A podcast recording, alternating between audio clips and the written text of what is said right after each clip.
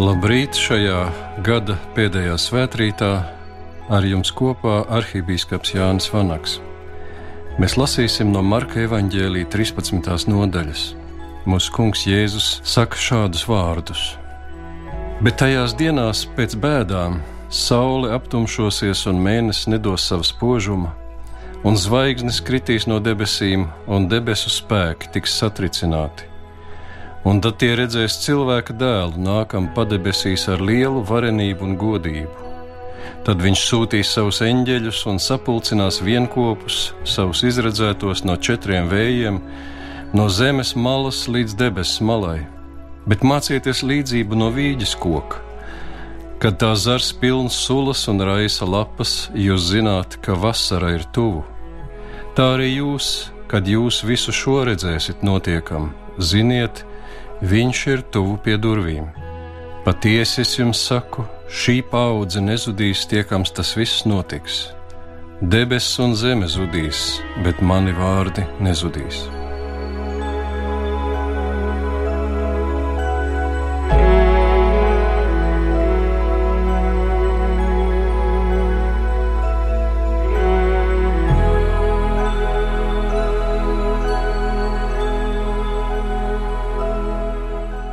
Jēzus stāsta par lielu pārmaiņu brīdi. Kaut kas ir bijis ļoti, ļoti ilgi, taču tagad tas beidzas un ir jāsākas kaut kam citam. Vai tā var būt? Vai tas vispār kādreiz notiks? Par to domājot, varbūt jūtamies kā dziesmā par dviņiem mātes miesās. Ir tāda dziesma, kur divi brāļi mātes vēderā apspriež to, vai ir dzīve pēc zemdībām. Viens no viņiem tic, ka ir un stāsta, ka pēc dzemdībām viņa ēdīs ar muti un staigās kājām, un varbūt pat ieraudzīs māti. Otrs ir skeptisks realists un atbild: Kur tad ir tā māte? Nu, kur tu viņu redzi? Nē, brāl, mums jāsamierinās, ka pēc tam, kad no šejienes aiziesim, vairs nekā nav. No turienes vēl neviens nav atgriezies, lai mēs varētu zināt, ka ir citādi. Mūsu dzīves ceļojumā ir dažādas starpstacijas, un pirms katras no tām mēs nedaudz jūtamies kā skeptiskais dvīnis, kurš nespēja iedomāties dzīvi pēc dzemdībām. Mazam bērnam šķiet neaptverami, ka reiz viņš mācīsies skolā, skolniekam šķiet neaptverami, ka reiz nebūs jāiet skolā. Pusaudzim šķiet neaptverami, ka reiz viņš pieaugs par lielu un parastu cilvēku, kam vaigas viedros jāpelna dienišķā maize, un jaunietis nevar iztēloties, kā tas būs, kad pašam būs bērni. Kā jauns kristietis, es nemūžam nebūtu ticējis, ka reiz nāksies turēt rokā bīskapa zīzli. Dzīvē ir daudz starpstaciju, Varbūt kādās no tām mūsu vilciens neapstājas, ja ceļojuma ekspresija, taču ir tādas, par kurām varam droši zināt, ka tur nonāksim. Katra no tām savā ziņā ir kā vecgada vakars un jaungada rīts, kaut kas beidzas, kaut kas sākas no jauna, un ir prātīgi jaunajam laikus sagatavoties. Traģiski taču, ja bērns piedzimst vecākiem, kuri tam nav gatavi. Traki, ja viņi nav sagādājuši drēbītes, barību un guļvietu, bet traģiski, ja viņi kā personības nav gatavi vecāku lomai. Nopietnās ģimenēs līgava un līgavainas iet pirmslaulību mācībās, lai sagatavotos būt par vīru un sievu. Topošie tēvs un māte apmeklē kursus, lai būtu gatavi mazuli laist pasaulē un audzināt, un tad var cerēt uz sekmīgu dzīves iesākumu mazajam cilvēkam.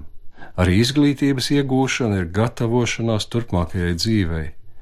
Nobriedušā sabiedrībā jauni cilvēki jau no iesākuma domā par pensiju un neļaujas, lai viņus krāpja ar aplūkšņu algām. Un kaut arī dažādi guru iesaka dzīvot šim mirklim, nevis domāt par nākotni, apdomīga dzīve tomēr ir pastāvīga gatavošanās nākamajam dzīves posmam. Varbūt kādam ir licies, ka arī kungs Jēzus iesaka nerūpēties par nākotni, bet skatīties uz puķiem laukā un uz putniem gaisā, Dievs par viņiem gādā, bet rītdiena pat par sevi bēdāsies.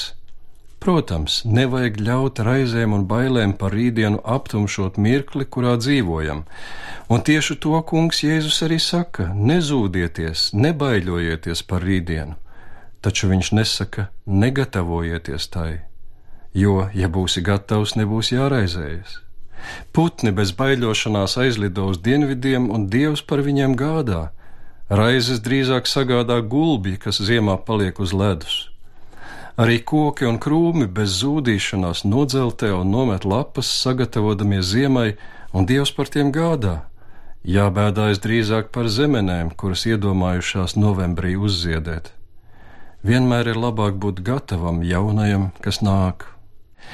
Tādēļ Jēzus stāsta par biedējošām zīmēm, kas iezvanīs citu laikmetu. Saule un mēnesis aptumšosies, zvaigznes kritīs no debesīm, Apostols Pēters vēl vairāk sabiezina krāsas. Viņš raksta: Tanī dienā debesis ar lielu troksni zudīs un pasaules elementi sadegdam izjuks, un zemi un visu, kas uz tās Dievs piemeklēs. Grūti kaut ko tādu iztēloties, vai ne?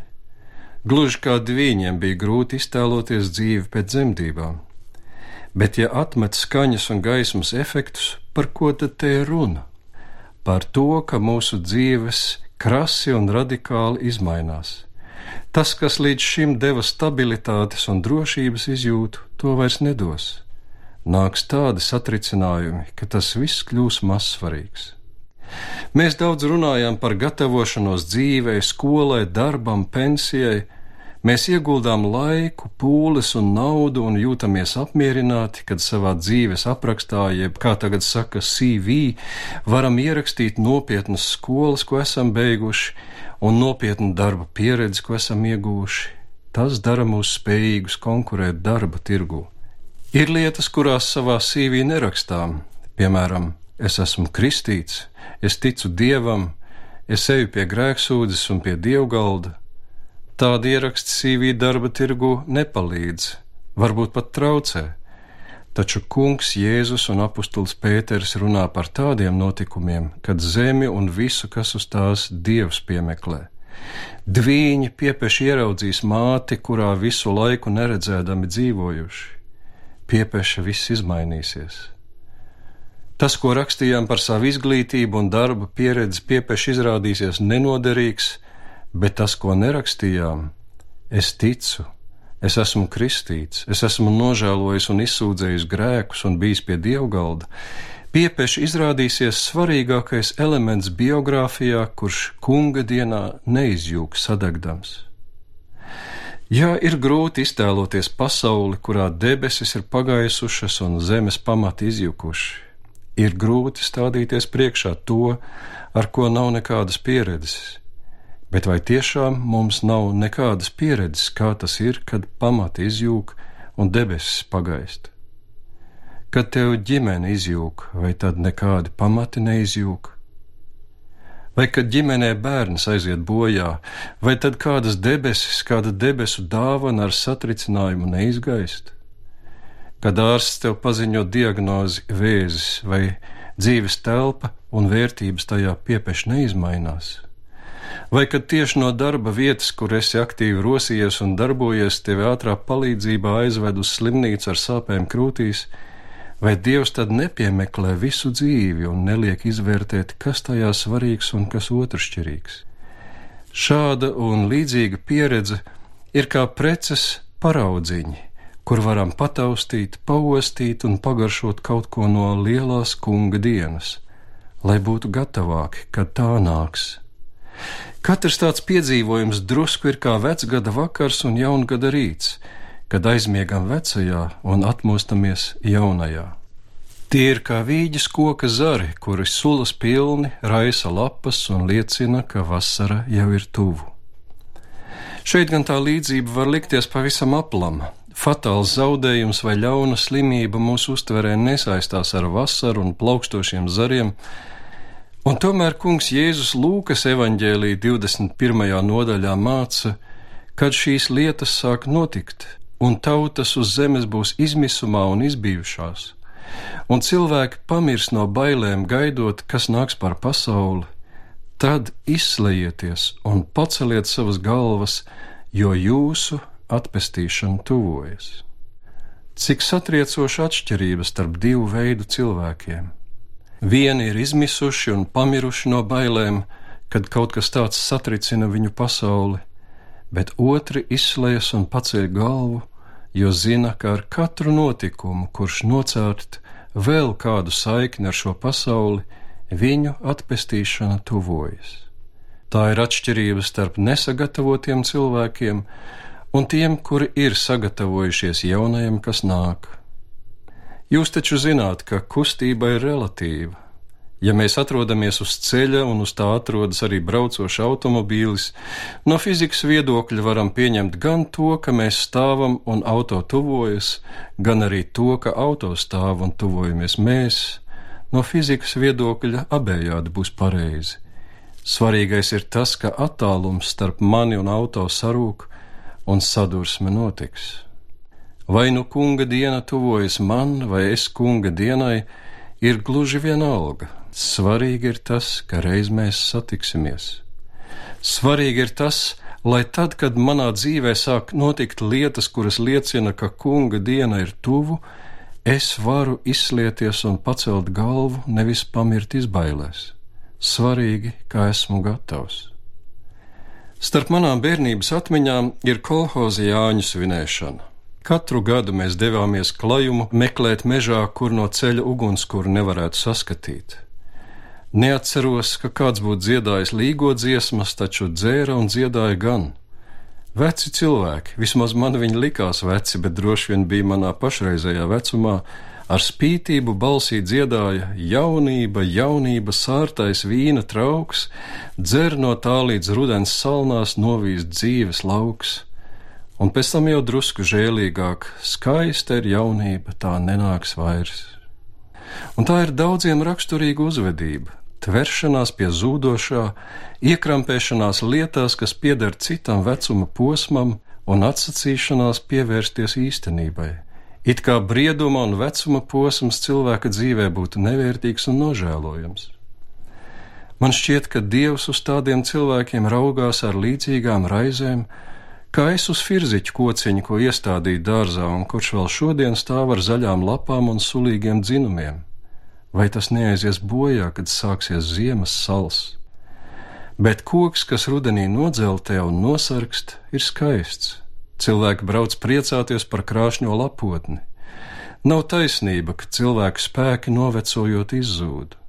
Uz vecumu mazinās miesīgie spēki skriet, lekt, dejot, radīt bērnus, toties pieaug spēja nonākt pie garīgām atziņām pieaug spēja saprast dieva vārdu kopsakarā ar dzīves pieredzi, un citus pavadot dzīves ceļā, dod garīgus padomus, kā to ar dievu staigāt. Katram vecumam savs skaistums, spēks un bagātība, un kad atnāk jaunais runčuks un saka veči čau, vecais runcis bez mazvērtības sajūtas var sacīt: Man vairs nav tā, kas ir tev, bet man ir tas, kā tev vēl nav. Traģiski ir novecot tikai tad, ja cilvēks izmisīgi krampējas pie tā, kas pieder jaunībai, un neiemanto ne brieduma bagātību, ne vecuma skaistumu. Kā cilvēkam vajadzētu gatavoties savam rudenim? Tveroties pie visa, kas ļauj kungu Jēzu skaidrāk ieraudzīt, pilnīgāk iemīlēt un viņam arvien tuvāk sekot. Tas ļaus piepildīt katru vecuma posmu un sagatavoties ikvienām beigām un ikvienam sākumam. Mūsu lielā cerība un apsolījums ir, ka tie, kas ir kristīti un tic kungam Jēzum Kristum, iemantos debesu valstību. Un patiesi, Kungs Jēzus mūsu vietā ir izpildījis visas bargās bauslības prasības un izcietis arī sodu par mūsu grēkiem, Viņš ir augšām cēlies, atņemot nāvē varu pār mums. Viņā noslēdzas vecais bauslības un soda gads, un iesākās jaunais evaņģēlija un mūsu kunga žēlastības gads. Svētā kristīgā ticība satver dzīvo kungu Jēzu, un viņš iemājo ticīgajā cilvēkā, aizsargājot viņu no nāves un naidīgajiem spēkiem. Kam ir Kristus, tam ir mūžīgā dzīvība Dieva valstībā. Ar to it kā vajadzētu pietikt, lai lielo beigu un lielā sākuma priekšā nevis nobītos, bet izslietos un paceltu galvu. Mēs taču būsim mūžībā kopā ar Dievu viņa valstībā, vai ne? Bet vai esat padomājuši, ko jūs tur iesāksiet tajā debesu valstībā? Mūžība tas ir ļoti, ļoti, ļoti ilgi. Reiz es piedalījos biskupa iesvētīšanas dievkalpojumā Sudānas Lutāņu baznīcā, un daudz kas tur bija pilnīgi citādi nekā ierasts pie mums. Kad ierados Jambio ciemā, kur biskupa sēdeklis, katedrāle vēl nebija pabeigta, nācās gaidīt, kamēr to beigs būvēt. Kad beidzot tikām pie biskupa konsekrācijas, dievkalpojums ilga septiņas stundas, līdz to nelaikā pārtrauc lietus gāzi. Vai jūs varat sev iedomāties septiņas stundas garā dievkalpojumā? Pie mums jau trīs stundas daudziem liekas nepanesamas, un trīs ceturdaļas stundas garš sprediķis šķiet daudz par garu. Gribas steigties mājās un darīt kaut ko citu, interesantāku un reālāku. Bet, ja nu dievkalpojums ilgtu mūžīgi un nekad nebeigtos, ko tad? Šausmas vai ne? Cilvēks priecīgi dodas ceļojumā uz kādu galamērķi, ja sagaida, ka tur ieraudzīs kaut ko aizraujošu.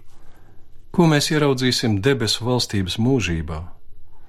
To, ko kā atblāzmu piedzīvojam dievkalpojumā un vispār garīgajā dzīvē. Dieva tuvumu, viņa vārda atklāsmi, dieva pielūgsmi un godināšanu, kalpošanu viņam garā un patiesībā, atrašanos svēto kopībā un draudzē, eņģeļu sabiedrībā. Vai tas mums jau šķiet valdzinoši, aizraujoši un skaisti? Gatavoties jaunajai kunga dienai nozīmē arvien vairāk iemīlēt dieva lietas un jau tagad atklāt, cik aizraujošas tās ir. Es jums teikšu neticamo, kad astotajā stundā lietus pārtrauc to dievkalpojumu, es jūtos vīlies.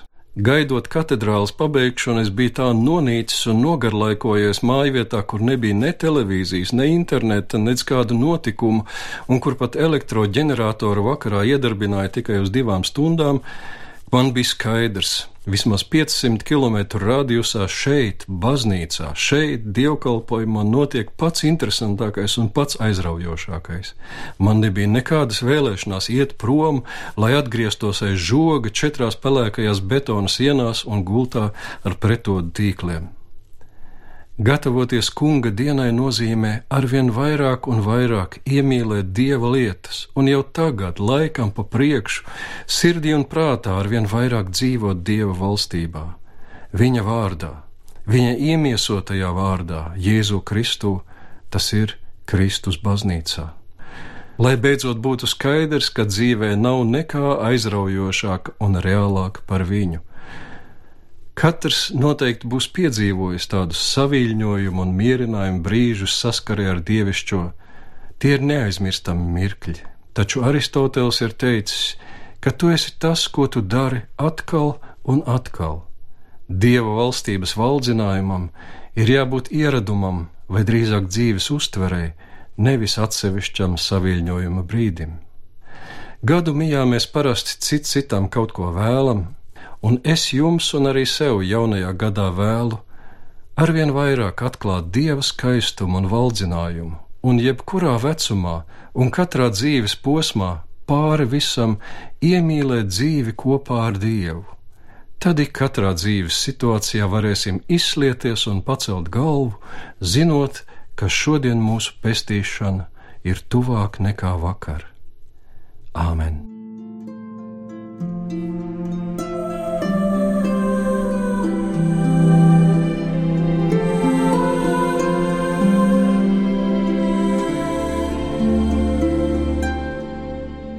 Lūksim, debes Tēvs, mēs Jēzus vārdā Tev no sirds pateicamies par aizvadīto gadu un par katru žēlastību un svētību, ko šajā laikā no Tevis esam saņēmuši.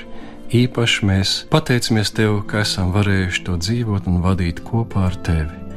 Mēs izlūdzamies Tavu svētību jaunajam gadam, lai jaunajā gadā mēs Tavu dēlu, mūsu kungu Jēzu Kristu, skaidrāk ieraugām, pilnīgāk iemīlam un viņam tuvāk sekojam. Āmen!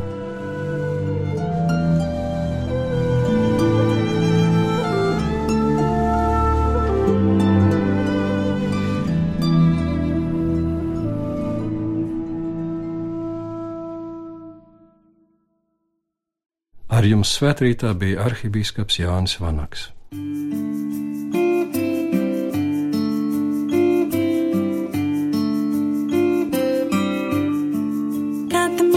mīlestības maršo cāk, debesis ir tu.